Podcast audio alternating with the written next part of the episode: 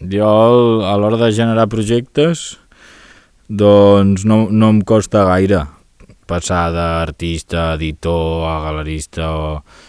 perquè al final mmm, jo, a mi el que m'agrada és treballar en projectes igual que m'interessa entendre els diferents contextos, m'agrada posicionar-me de diferents maneres i, i vehicular el meu esforç perquè aquell projecte tiri endavant.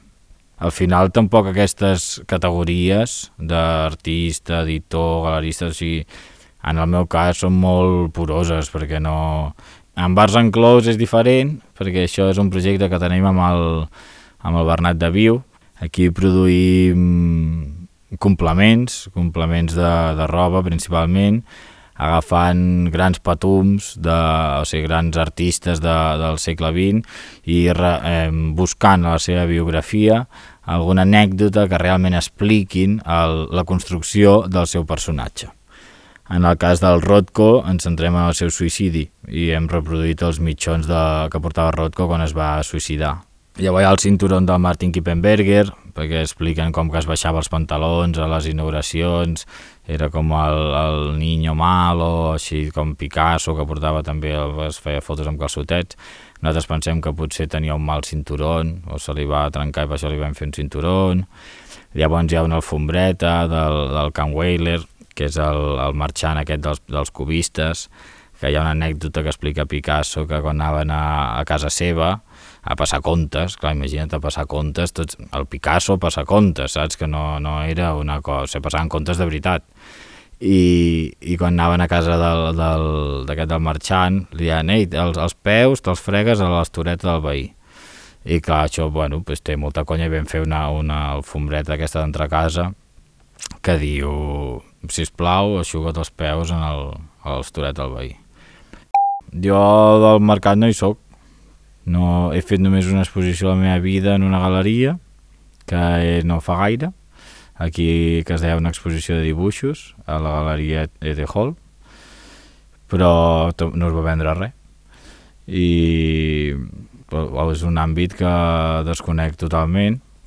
Si jo entenc la, el, el treball en una galeria que fer com un, un, un espai de representació però clar, també entenc que és molt feixuc, perquè si ha d'entendre tots els meus projectes, entendre'ls bé, eh, per poder llavors eh, explicar-los bé en algun col·leccionista, i a més a més que vulguin comprar alguna peça que a més a més sigui única, jo no faig peces úniques, perquè són, ara la majoria són, són llibres, que, que llavors això és com una mica contraproduent, però és amb el que m'he anat trobant amb la meva manera de treballar.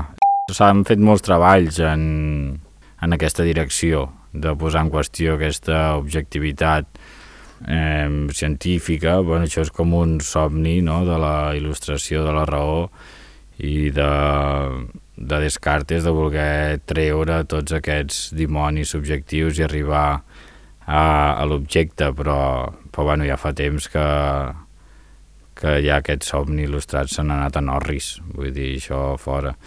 A mi el que m'interessa sobretot és entendre bé les dinàmiques de, de cada context, llavors ja veurem si les critico o no les critico, perquè també penso que o sigui que cada context té les seves maneres de fer, els seus valors, les seves comunitats, el seu sentit de fer les coses, des de la, la indústria de, de la literatura, les presentacions, eh, els arxius... Mm, I a mi el que m'agrada és entendre bé el, una mica posar-me allà on no em demanen i, i entendre quins són aquests llocs, com funcionen, què valoren, què no valoren, què està ben vist, què no està ben vist, quina voluntat té. Al final és com cada context genera un sentit molt específic dintre la seva activitat i, i a mi el que m'interessa és la generació d'aquest sentit.